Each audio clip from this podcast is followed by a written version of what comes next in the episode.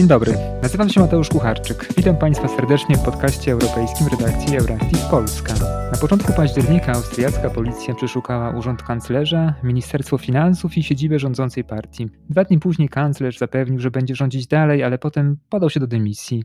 O tym, co stało się w Austrii i czy to polityczny koniec cudownego dziecka austriackiej polityki kanclerza Sebastiana Kurza opowie doktor habilitowana Justyna Miecznikowska, adiunkt na Wydziale Nauk Politycznych i Studiów Międzynarodowych Uniwersytetu Warszawskiego. Proponuję, byśmy zaczęli od faktów. W sobotę 9 października doszło w Austrii do politycznego trzęsienia ziemi. Popularny, lecz kontrowersyjny kanclerz Sebastian Kurz podał się do dymisji. Co się właściwie stało w Austrii? 9 października e, Sebastian Kurz podał się do dymisji, ale tak naprawdę to polityczne trzęsienie ziemi rozpoczęło się e, kilka dni wcześniej, bo 6 października w środę e, prokuratura antykorupcyjna w Austrii zleciła przeszukanie zarówno Urzędu Kanclerskiego, jak i Ministerstwa Finansów i siedziby Austriackiej Partii Ludowej, czyli partii rządzącej partii, na czele której stoi Sebastian Kurz.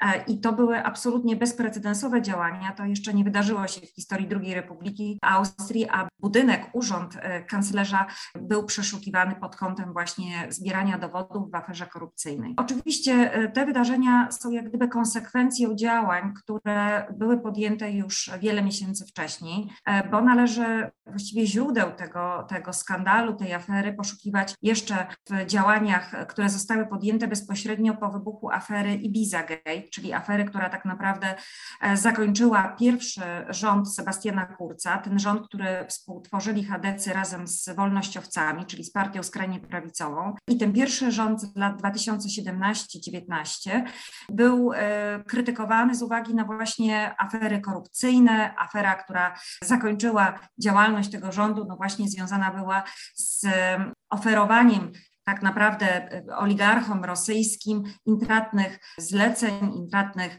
e, umów w zamian za wsparcie jednej z partii, czyli właśnie tej wolnościowej partii Austrii w kampanii wyborczej. E, I komisja parlamentarna sprawdzała bardzo dokładnie, jak wyglądały rządy wolnościowców i chadeków, i pokłosiem właśnie analiz tej komisji parlamentarnej były kolejno stawiane zarzuty. I wśród tych zarzutów, między innymi, pojawił się zarzut wspierania nominacji jednego z, ze ścisłych współpracowników Sebastiana Kurca, Tomasa Schmidta, na stanowisko prezesa holdingu. Kanclerz e, przed komisją deklarował, że nie miał nic wspólnego z tą nominacją, natomiast ustalenia później dokonane, a przede wszystkim no, korpus delicti w postaci e, SMS-ów, e, które przesyłał kanclerz do Tomasa Schmidta i ten mu odpowiadał, wykazywały, że jak najbardziej za tą nominacją stał i wspierał e, swojego współpracownika. Czyli to była cała masa różnych afer, które wskazywały na istnienie tak zwanego systemu kurca, jak to określiła opozycja, czy też no właśnie takiego układu partyjnej współpracy polityków i e, świata gospodarki, świata mediów, e, osób, które się nawzajem wspierały, którymi obsadzane były różne ważne stanowiska w rządzie, w partii, w spółkach. Ten skandal, który doprowadził do dymisji Sebastiana Kurca, odnosił się tak naprawdę jeszcze do okresu sprzed czasu, kiedy on został kanclerzem, e, jak i czasu, kiedy jeszcze nie był szefem partii chadeckiej, mianowicie do 2016 roku. Wtedy e, Sebastian Kurz już cieszył się bardzo dużą popularnością jako minister spraw zagranicznych, ale e, szefem Hadeków był zupełnie inny polityk, Reinhard Mitterleiner i trwały tak naprawdę takie dyskusje, na ile zmiana wizerunkowa, na ile nowy polityk na czele partii chadeckiej przyczyni się do zwycięstwa tego ugrupowania. I ustalenia prokuratury wskazywały, że w 2016 roku e, środowisko związane z Sebastianem Kurcem finansowało sondaże, które były przychylne dla Sebastiana Kurca. Sondaże, które wskazywały, że ma on ogromne szanse na to, żeby e, zwyciężyć w wyborach jako czołowy par, e, polityk partii chadeckiej, jako jej kandydat na, na kanclerza. Oczywiście sam Sebastian Kurz zupełnie odciął się od tych zarzutów, wskazując, że jest niewinny. Po pierwsze, dlatego, że wiele sondaży z 2016 roku, jak argumentował, wskazywało, że ma on ogromne szanse na zwycięstwo. Po drugie, że on właśnie nie był związany z Ministerstwem Finansów, które rzekomo miało właśnie te sondaże finansować w jednym z tabloidów. I mm, uważa on i cały czas jakby podkreśla, że jest to forma tak naprawdę nacisku ze strony opozycji, próby zdyskredytowania go w oczach opinii publicznej e, i że są to zarzuty zupełnie bezpodstawne. Niemniej no jest to taki chichot losu, dlatego że Sebastian Kurz dał się poznać jako polityk, który no bardzo dba o ten medialny wizerunek, ma ono dla niego ogromne znaczenie i e, cała ta nowa e, zmiana w polityce, która nastąpiła też wizerunkowa zmiana w partii chadeckiej odnosiła się właśnie do tego y, świetnego kontaktu Kurca z opinią publiczną i jego bardzo dopracowanego wizerunku jako młodego, energicznego polityka, polityka charyzmatycznego i polityka, który wnosi nową jakość. Nagle okazuje się, że że tutaj tej nowej jakości może wcale nie ma, jest przekupstwo, korupcja, układy, klika, e, jak to się tutaj e, opozycja często określa, właśnie turkusowa rodzina, turkusowy system. Turkus to jest właśnie ta nowa farba, nowy, nowy e, kolor, który Hadecja przyjęła wraz z ze zmianą wizerunkową, jaką przyniósł Sebastian Kurz. Mhm. Ale jak zareagowała opinia publiczna w Austrii? Bo wspomniała Pani, że Sebastian Kurz zwraca wielką uwagę, baczną uwagę na to, żeby też dobrze występować, być dobrze prezentowanym w mediach, no i też jest bardzo popularny wśród Austriaków. Jak Austriacy zareagowali na te wydarzenia z ostatnich dni?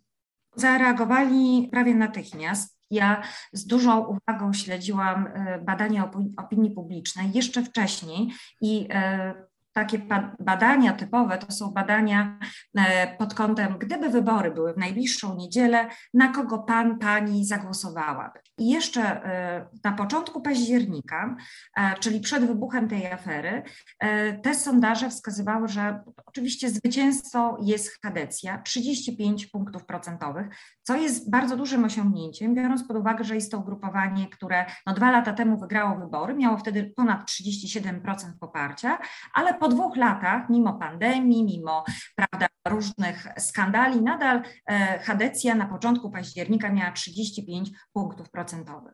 Ale już badanie, które zostało opublikowane przez tabloid Kronenzeitung 12 e, października, czyli już kilka dni po e, wybuchu afery i po dymisji Sebastiana Kurca, wskazuje, że Hadecja utraciła bardzo poparcie wyborców. W tej chwili to jest 26 czyli o 11 punktów e, procentowych mniej e, niż e, jeszcze parę dni wcześniej. Z kolei inne ugrupowania, szczególnie tutaj opozycja, no, odnotowuje lekki wzrost, ale nie taki duży, jak mogłoby się wydawać. Socjaldemokraci 25%, czyli odrobinę więcej, wolnościowcy też około 3 punktów procentowych więcej w stosunku do tego, jak wyglądało to na początku października. Co ciekawe, zieloni nie są beneficjentem tych przemian. Mhm.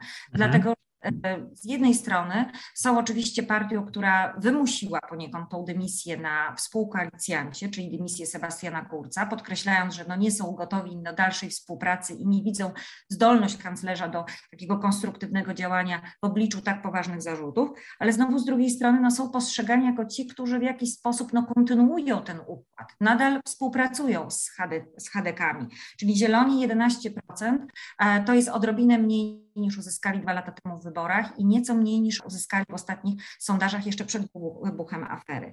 Więc opinia reaguje bardzo dynamicznie. Też wcześniej Sebastian Kurz był bardzo popularnym politykiem, kiedy badano opinię pod kątem, kogo wskazaliby, gdyby mogli bezpośrednio na kanclerza. I taki wybór bezpośredni kanclerza w takim sondażu Sebastian Kurz zawsze miał pierwsze miejsce, zdecydowana przewaga nad wszystkimi innymi liderami, nad przewodniczącą socjalną socjaldemokratycznej partii Austrii, Pamelą Randy Wagner, nad Herbertem Kiklem, który stoi na czele e, wolnościowców, nad e, nawet przewodniczącym Zielonych, wicekanclerzem Wernerem Koglem.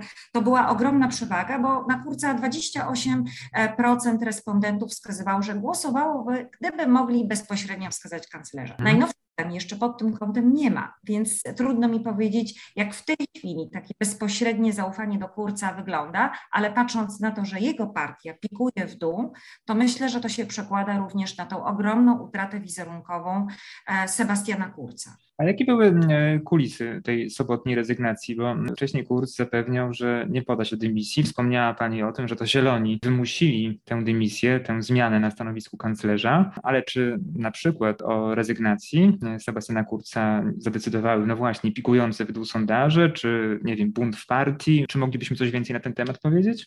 To jest oczywiście taka no, z mojej strony trochę spekulacja, dlatego że e, tak naprawdę te kulisy rozmów może zostaną kiedyś w jakichś pamiętnikach e, opublikowane i my się o tym dowiemy. Natomiast no, taką trochę tajemnicą Poliszynela jest, że rzeczywiście takie naciski na Kurca były, bo e, należy przypomnieć, że jeszcze 8 października w piątek Kurz, odżegnując się od tych zarzutów, podkreślił, że no właśnie jest niewinny i że on będzie jakby dalej trwać na stanowisku kanclerza, podkreślając, że są to pomówienia, że on za tym, e, z tym nie ma nic wspólnego. E, natomiast e, w sobotę podał się do dymisji i rzeczywiście tutaj dwa aspekty myślę, że należy uwzględnić. Pierwszy aspekt to jest rola koalicjanta, czyli Zielony. Zieloni to ugrupowanie, które stoi na straży programowo właśnie takiej czystej polityki, transparentnej, przejrzystej, demokratycznej. Oni oni e, sztandarowo walczą z korupcją i zdecydowanie Werner Kogler, e, narażając nawet się na, na rozpad tej koalicji, podkreślił, że to musi, musi nastąpić zmiana wizerunkowa e, i zmiana na stanowisku kanclerza. Padły takie słowa, że Zieloni mają koalicję, ale mają właśnie z Austriacką Partią Ludową, z HDK-ami, natomiast nie z Kurcem. I tu były naciski ze strony Zielonych, podparte również tym, że ewentualnie możliwe byłoby porozumienie czterech ugrupowań, czyli tak naprawdę Zielonych z partiami opozycyjnymi, czyli z socjaldemokratami, wolnościowcami i liberałami. I być może, no matematycznie byłoby to możliwe, stworzenie rządu złożonego z czterech ugrupowań. Aczkolwiek bardzo byłoby to zaskakujące, bo to koalicja od ugrupowań lewicowych przez centrum po skrajną prawicę. Mhm. Jedyny mianownik to walka z y, Kurcem. Natomiast drugim elementem na pewno y, mogły być naciski ze strony y, partyjnych, lokalnych działaczy, którzy początkowo bardzo poparli Kurca, ale potem pojawiły się również głosy co do tego, że zarzuty są poważne, co do tego, że e, jednak no, nie należy e, tutaj zamykać oczu na pewne bardzo poważne oskarżenia, które padły pod kątem Kurca. I być może właśnie brak takiego pełnego poparcia ze strony dołów partyjnych, ze strony również tych lokalnych partyjnych przywódców sprawił, że Kurz podał się do dymisji. Ja jeszcze dodam, że w austriackiej partii ludowej e, mówi się o tym, że istnieją jak gdyby różne skrzydła i jedno z nich to są właśnie ci konserwatyści, chadecy określani mianem czarnych, czyli właśnie ci, którzy jeszcze e, pamiętają funkcjonowanie tamtej partii chadeckiej sprzed objęcia władzy przez e, Sebastiana na Kurca, czyli sprzed 2017 roku. No i właśnie ta turkusowa rodzina, czyli raczej e, młodzi działacze, 30-paro, 40-letni, ci, którzy współpracowali z Kurcem jeszcze kiedy on był przewodniczącym chadeckiej młodzieżówki i potem e, stworzyli właśnie ten krąg takich ścisłych współpracowników. Przed e, wybuchem całej tej afery Kurz uzyskał bardzo silny mandat zaufania ze strony swojego ugrupowania, bo 28 e, sierpnia odbyły się wybory wewnętrzne w Grecji i wówczas Kurz uzyskał ponad 99% poparcia, został wybrany ponownie na przewodniczącego. No i to jest taki mandat zaufania, który no teraz stoi trochę pod znakiem zapytania, czy to zaufanie nadal jest tak duże do niego. Ale wtedy, pod koniec sierpnia, E, Hadecja stanęła murem, mówiąc, to jest nasz kanclerz, mimo zarzutów, które już wtedy były stawiane, to jest polityk, z którym dwukrotnie wygraliśmy wybory. Wspomniała Pani o turkusowej rewolucji, o tym nowym pokoleniu w austriackiej partii ludowej, które, którego reprezentantem jest y, były już kanclerz y, Sebastian Kurz. Na Kurza europejska Hadecja patrzyła z zazdrością, wydaje mi się, bo uosabiał on y, postać polityka, który, mm, no, który odnalazł się w tej nowej rywalizacji politycznej ugrupowań no, centroprawicowych, które z jednej strony rywalizują ze skrajną prawicą o głosy, a z drugiej strony właśnie z siłami, no powiedzmy, nie wiem, liberalnego mieszczaństwa państwa i, i zastanawiam się, co to może oznaczać, e, jakby upadek, ten drugi upadek rządu Kurca dla europejskiej kadencji, ale chciałbym jeszcze zapytać właśnie o postać samego kanclerza, bo jest to polityk, który rzeczywiście był obserwowany z jednej strony z wielką taką uwagą, zazdrością przez, tak jak wspomniałem, europejskich polityków reprezentujących nurt właśnie kadecki, ale z drugiej strony no, zdobył niezwykłą popularność w Austrii. E, jaki jest fenomen tego człowieka? Bo chyba możemy mówić w pewnym sensie o fenomenie, no bo z jednej strony, powiedziała Pani wcześniej, zwraca uwagę na wizerunek medialny, ale czy jest to tylko polityk, który mm, jakby buduje swoją popularność na właśnie medialnym wizerunku? To znaczy, bez wątpienia e, Sebastian Kurz e, jest politykiem charyzmatycznym i cały czas myśląc o jego sukcesie, właśnie fenomenie, należy pamiętać o tym, w jakim stanie była Hadecja, kiedy przejął przywództwo w niej. Może od razu zacznijmy od tego, że Hadecja i socjaldemokracja to dwa ugrupowania, które często wymieniały się władzą w mhm. Austrii.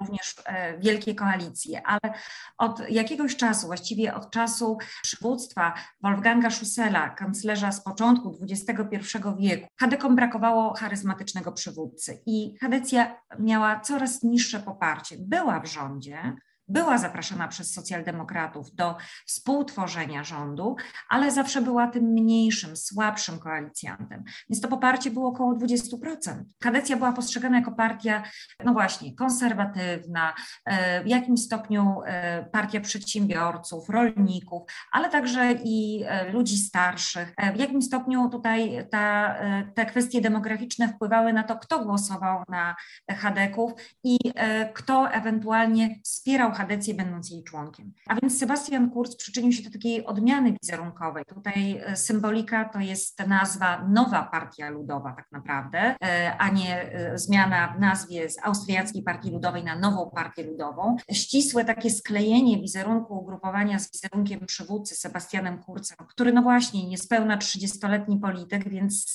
było to zaskoczenie dla wielu obserwatorów, że właśnie ugrupowanie prawicowe, chadeckie wybiera tak młodego przywódcę na, na swojego, e, można powiedzieć, lidera, szefa. Druga sprawa to taka, że oczywiście mm, Sebastian Kurz wypłynął na, na kryzysie migracyjnym. Tutaj e, przyciągnął takie hasła, które wcześniej były zarezerwowane właściwie dla skrajnej prawicy, czyli odtabuizował pewne tematy, wskazując, że jak najbardziej może je przejąć do programu ugrupowania, które należy do establishmentu. Jakie to hasła? No właśnie takie, że Austria nie godzi się na to, żeby być krajem, który przyjmuje w dalszym ciągu uchodźców. Sebastian Kurz jako minister spraw zagranicznych, można powiedzieć, rzucił rękawice Angeli Merkel, krytykując jej e, politykę otwartych drzwi, wskazując, że nie, to nie tędy droga. E, Austria jako państwo małe przyjęła bardzo dużo uchodźców, jeżeli odniesiemy to do liczby ludności i Austria w jakiś sposób e, była zmęczona również ogromnym obciążeniem finansowym, jeśli chodzi o finanse publiczne właśnie tej fali uchodźców z 2015 roku, później w 2016 również. Więc na tym zyskiwał popularność. Ta zmiana wizerunkowa przyczyniła się do dwóch sukcesów Hadecji. Dodajmy, że w 2017 roku Hadecja uzyskuje 31 procent poparcia. To bardzo duży skok w porównaniu z wcześniejszymi wyborami. W 2019, mimo całej afery związanej właśnie z, tą, z tymi zarzutami korupcji wobec współkoalicjanta, mimo tego, że e, zostało pierwszy raz w historii II Republiki wytoczone wotum nieufności wobec rządu e, i Kurz e, musiał podać się do dymisji, to był maj 2019 roku i zostały rozpisane wcześniejsze wybory, a wcześniej stworzony rząd techniczny, to Kurz niczym Feniks z popiołów podniósł się e, i kolejne wybory w 2019 roku przyniosły jeszcze większe e, poparcie, ponad 37% uzyskanego, uzyskanych głosów ze strony Austriaków. Czyli rzeczywiście to są takie dowody na to, że ten polityk potrafił zagospodarować głosy tych niezdecydowanych, tych, którzy wcześniej stronili od polityki, e, ludzi młodych. E, na Hadecję zaczęli głosować ludzie młodzi, widząc w tym szansę dla siebie. Zapowiadał zmiany na rynku pracy, zapowiadał większe wsparcie dla rodzin, również e, podkreślają cały czas, że na arenie międzynarodowej będzie dbał o interesy Austrii.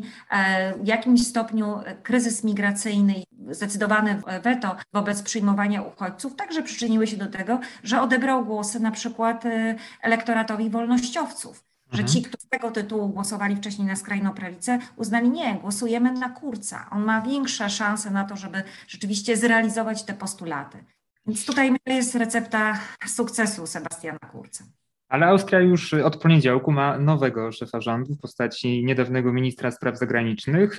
Jak interpretować można polityczny awans Aleksandra Schallenberga? Nowy kanclerz zapowiedział ścisłą współpracę, tu cytuję, z Kurcem, ale opozycja mówi o rządach tylnego siedzenia. Czy rzeczywiście Austria może przejąć taki model znany z państw na przykład z Europy Środkowo-Wschodniej, gdzie to lider partii w rzeczywistości będzie rządził krajem, a premier będzie no jednak politykiem tego mniejszego, słabszego formatu. Tak może się zdarzyć, bo pamiętajmy o tym, że Sebastian Kurz, chociaż nie jest już kanclerzem, to zajmuje bardzo ważne funkcje w państwie. To znaczy, po pierwsze, jest e, liderem ugrupowania, które rządzi, czyli nadal jest szefem e, partii chadeckiej. Drugie również jest e, szefem e, klubu parlamentarnego, największego ugrupowania w, e, w Radzie Narodowej, czyli tutaj również ten mandat parlamentarzysty no sprawia, że będzie cały czas kreować politykę, politykę rządu. Również jest takim przyjętym zwyczajem, że szefowie frakcji, które wchodzą w skład koalicji, często uczestniczą w posiedzeniach Rady Ministrów, więc Sebastian Kurz no, będzie zapraszany na posiedzenie rządu.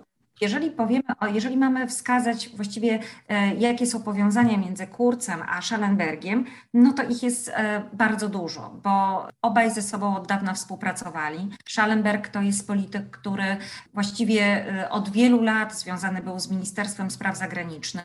W czasie, kiedy Sebastian Kurz był ministrem spraw zagranicznych, on między innymi był szefem takiej sekcji odpowiedzialnej za kontakty Austrii z Unią Europejską. Wcześniej także obecny był właśnie w takim planowaniu strategicznym w Ministerstwie Spraw Zagranicznych. Więc to są politycy, którzy z sobą od bardzo dawna współpracowali. Oczywiście Schallenberg również dał się poznać jako taki polityk, jako mąż zaufania, bo y, w rządzie technicznym, e, który powstał po upadku pierwszego rządu Sebastiana Kurca, czyli to jest ten okres od maja tak naprawdę do września 2019 roku. On wówczas również pełnił rolę ministra spraw zagranicznych właśnie w tym rządzie technicznym, na czele którego stała Brigitte Bierlein. E, ale zarzuty ze strony opozycji są rzeczywiście w jakimś stopniu wiarygodne, bo e, Schallenberg będzie musiał po prostu udowodnić, że nie jest marionetką w rękach Kurca, że jest samodzielnym politykiem. Natomiast ja myślę, że tutaj e, nawet jeżeli nie będzie, będzie starał się pokazać, że jest samodzielny, to będzie również podkreślać swoją lojalność względem Kurca. I tu opozycja od razu grzmiała nad e, tymi pierwszymi słowami, które wypowiedział nowo nominowany kanclerz, że y, on wątpi w te zarzuty, że wierzy w niewinność y, Sebastiana Kurca i że, tak jak y, pan redaktor podkreślił, będzie ściśle współpracować z Sebastianem Kurcem jako szefem ugrupowania, które współtworzy koalicję, czyli no w jakimś stopniu no tutaj podkreśla również, że jakiekolwiek inne rozwiązania byłyby no demokratycznie niemożliwe, no bo to jest szef ugrupowania, które zwyciężyło w wyborach. Schallenberg pozwolił sobie również na taką pewną krytykę względem Zielonych, wskazując, no właśnie, że, że koalicjant jest nie tylko na dobre, ale również na złe czasy, jakby podkreślając, że stanowisko Zielonych właśnie w tej godzinie próby, no było pewnym rozczarowaniem dla Hadeków. Więc tutaj myślę, że na pewno teraz to będzie bardzo ciężkie, również takie harmonijna, harmonijna i dalsza współpraca między Hadekami a Zielonymi, bo to zaufanie jest nadszarpnięte z obu stron. Hadecy również mhm. mają masę pretensji względem Zielonych, którzy y, bardzo ostro y, domagali się zmian i którzy również, co jest y, brane pod uwagę, mogą poprzeć wniosek opozycji o wotum nieufności wobec ministra finansów Gernolda Blumela, który no, jest wskazywany jako również osoba, która stała w jakimś stopniu za pewnymi aferami korupcyjnymi i również opozycja domaga się dymisji tego polityka. A czy mogłaby Pani, Pani Profesor powiedzieć coś więcej o samym nowym kanclerzu, to znaczy jakim człowiekiem jest nowy kanclerz Austrii, jakie ma poglądy w kluczowych dla Europy sprawach, jak właśnie imigracja, jak na przykład praworządność, czego możemy się po nim spodziewać w kolejnych tygodniach, miesiącach? To jest polityk y, bardzo doświadczony. Mówi się o tym, że jest ostrożny w swoich wypowiedziach, więc tym bardziej w jakim stopniu zaskakujące są właśnie te pierwsze słowa, które padły tuż po nominacji, czyli 11 października. E, to jest polityk, który e, kładzie duży nacisk na dobrą współpracę Austrii z Unią Europejską. Na pewno o tym świadczy wizyta z 14 października właśnie w Brukseli. Pierwsza wizyta nowo nominowanego e, kanclerza Austrii właśnie była do Brukseli, spotkanie z przewodniczącą komisji Ursulą von der Leyen i jak gdyby odniesienie się do tego, jak będzie wyglądała polityka, europejska polityka Austrii. I w, w tych pierwszych słowach i w tych zapewnieniach ze strony Schallenberga widzimy no, pełną kontynuację tego, co było wcześniej. Przede wszystkim e, poparcie dla priorytetów nowej komisji, czyli jak najbardziej poparcie dla Europejskiego Zielonego Ładu. Austria nadal e, jest wśród tych państw, które chcą przejścia na odnawialne źródła energii, które chcą mm, neutralnej klimatycznie Europy i które wspierają te zmiany, i to jest również powiązane z tym, że HDC są w koalicji z Zielonymi. E, jeśli chodzi o kwestię praworządności, to tutaj Schallenberg powiedział, że nie ma na ten temat żadnych dyskusji i negocjacji. Praworządność wartości, na których opiera się Unia Europejska, nie podlegają żadnym dyskusjom. One są fundamentem tak naprawdę Unii Europejskiej i e, tym, co scala Unię, a zatem pełne poparcie w tym momencie e, ze strony Austrii dla działań, które podejmuje Komisja Europejska, chcąc wyjaśnić tutaj konsekwencje e, związane z orzeczeniem Trybunału Konstytucyjnego w Polsce, czyli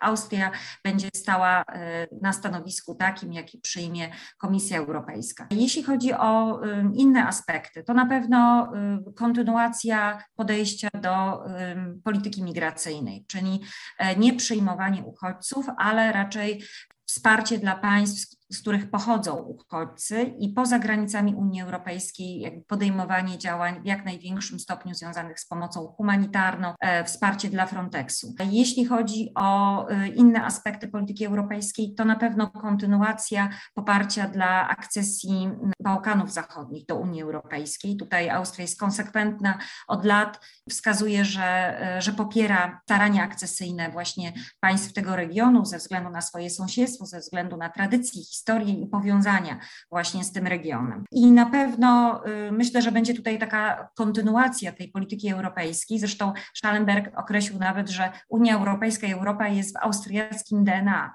czyli tutaj nie spodziewałabym się specjalnych zmian, a raczej kontynuacji i podkreślenie, że mimo wszystkich tych zmian, które bardzo rzutują na wizerunek e, Austrii w kontekście właśnie chociażby tutaj działania elit, establishmentu, powiązania w jakiś sposób e, właśnie polityki z gospodarką i afer korupcyjnych, to, że jest to państwo stabilne, zaufany partner, również państwo, które będzie mm, podtrzymywać swoją politykę oszczędności czyli będzie należeć do grupy tak zwanych skąpców, mhm. którzy nacisk na to, żeby przestrzegać zasad e, Paktu Stabilizacji i Wzrostu, aby e, nie powiększać długów i aby raczej e, tutaj bardzo w sposób taki harmonijny panować nad budżetem unijnym. Europejska kadencja znajduje się w kryzysie. Myślę, że można tak powiedzieć, porównując sytuację jeszcze sprzed dekady, kiedy to, no, jeśli się nie mylę, chyba w 16 państwach rządzili w 2011 roku, 2012 roku premierzy bądź prezydenci, jak w przypadku Francji, politycy związani z tą frakcją, czyli z centroprawicą europejską. Teraz jest ich zdecydowanie mniej. Ostatnio e, została utracona pozycja w Niemczech na rzecz e, socjaldemokratów. No a tu przychodzi kryzys polityczny w Austrii. Wprawdzie HDC nadal będą współrządzić jako ten silniejszy partner w koalicji, no ale jednak gwiazda z chrześcijańskiej demokracji znajduje się pod obstrzałem krytyki, pod e, obstrzałem krytyki medialnej, e, ale też zarzutów korupcyjnych. E, w jaki sposób może wpłynąć sytuacja związana z Sebastianem Kurcem na europejską chadecję, jak pani sądzi?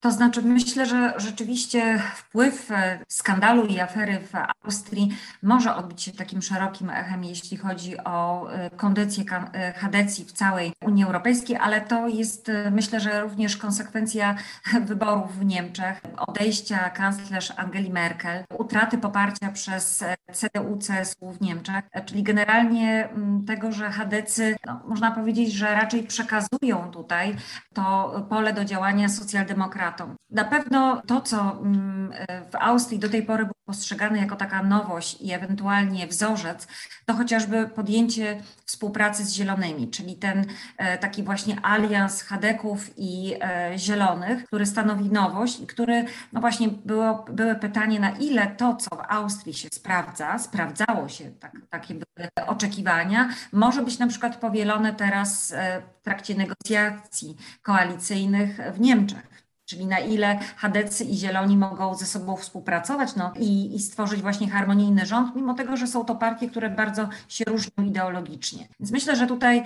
na pewno y, Sebastian Kurz y, był postrzegany jako ktoś, kto właśnie wnosi tako, taki powiew świeżości, pokazał nowe rozwiązania, y, pokazał, że partia chadecka to jest partia ludzi młodych, y, ludzi, którzy widzą swoją szansę, y, może w mniejszym stopniu powiązaną z takimi konserwatywnymi wartościami, ale na przykład w kontekście gospodarczym jak najbardziej tak, pewnej stabilizacji, również w kontekście chociażby polityki zagranicznej zorientowanej na interes obywateli, a w mniejszym stopniu na przykład nastawioną na przyjmowanie imigrantów, e, czy otwieranie się na chociażby tutaj e, pracowników również z e, innych państw Unii Europejskiej, bo tutaj warto podkreślić, że rządy Sebastiana Kurca to też w jakimś stopniu rządy, które no nie do końca były zainteresowane tym, aby aby pracownicy z innych państw Unii Europejskiej podejmowali pracę w Austrii, ale raczej, żeby ta praca była przede wszystkim dla samych Austriaków. Więc pewne zmiany, jeśli chodzi o politykę e, socjalną, jeśli chodzi o kwestie zasiłków, tutaj premii pielęgnacyjnych na przykład, to wszystko było redukowane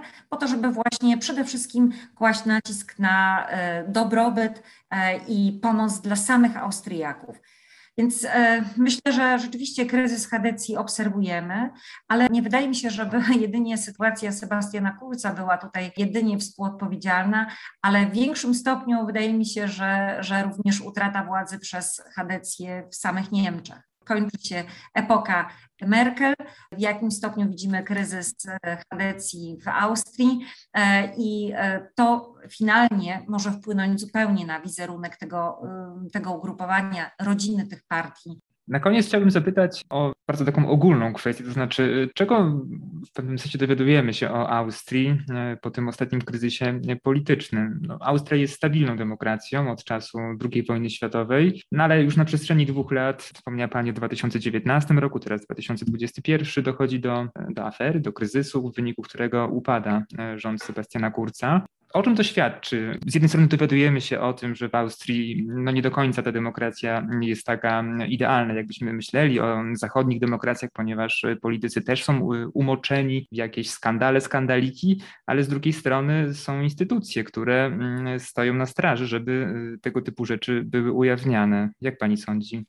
Tak, to znaczy w Austrii system polityczny to jest system parlamentarno-gabinetowy i ten system jakby zakłada przede wszystkim ścisłą e, współpracę władzy wykonawczej z władzą ustawodawczą. I jeżeli nie ma zaufania władza wykonawcza ze strony parlamentu, to właściwie nie ma możliwości do konstruktywnego działania. I w Austrii przez całe lata, e, przez całe dekady to poparcie było właściwie stuprocentowo pewne, dlatego że ugrupowania rządzące miały większość w Radzie Narodowej, e, czyli w pierwszej Izbie Parlamentu Austriackiego. I te wielkie koalicje e, były bardzo e, stabilne, jeśli chodzi o, o rządzenie, realizację programu rządowego, właśnie dlatego, że większość parlamentarna była absolutnie za działaniem rządu. To, co widzimy i obserwujemy tak naprawdę od um, około 20-30 lat, to stopniowa erozja takiego poparcia wyborców dla tych dwóch dużych ugrupowań. I ten system partyjny w Austrii e, stopniowo ewoluuje w kierunku właśnie takiego systemu bardziej rozbitego. Pojawiały się nowe ugrupowania. I te nowe ugrupowania, wchodząc do parlamentu e, i zasiadając w ławach parlamentarnych, już sprawiają, że ciężko jest o stworzenie takiej stabilnej większości, która kiedyś była tak duża, że właściwie stwarzała nawet możliwość zmiany konstytucji, bo to było tak kolosalne poparcie, które miały ugrupowania rządzące. Teraz widzimy, że owszem, zwycięstwo jednego ugrupowania było duże, ale Sebastian Kurz nie mógł samodzielnie stworzyć koalicji, tylko musiał zaprosić koalicjanta. Więc tu widzimy, że wzrasta niewątpliwie rola opozycji. Opozycja jest w austriackim parlamencie na tyle silna, że jeżeli przekona koalicjanta do współpracy, to ten rząd na pewno upadnie.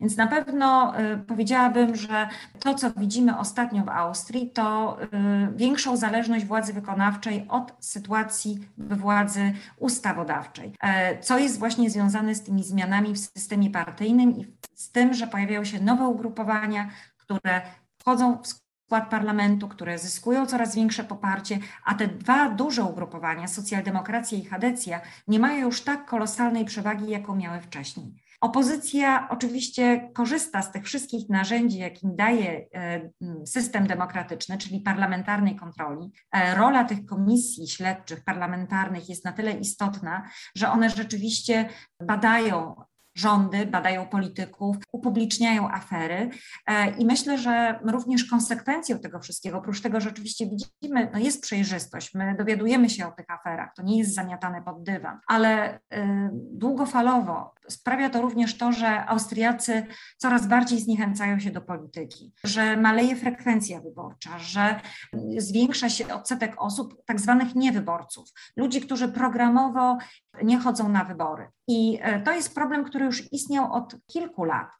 Przypomnijmy, że w 2008 roku, mając świadomość tego, że ta frekwencja jest coraz mniejsza, Austriacy zmienili swoje prawo wyborcze i są tym państwem, w którym już osoby, które ukończyły 16 rok życia, mogą uczestniczyć w wyborach. To obniżenie cenzusu wiekowego właśnie było związane z tym, żeby zwiększyć frekwencję. No nie do końca tak się stało, ale e, myślę, że kolejne wybory, czy w ogóle kolejne lata mogą przyczynić się właśnie do, tego, do tej erozji zaufania, do spadku e, w ogóle takiego przeświadczenia, że polityka to jest czysta gra.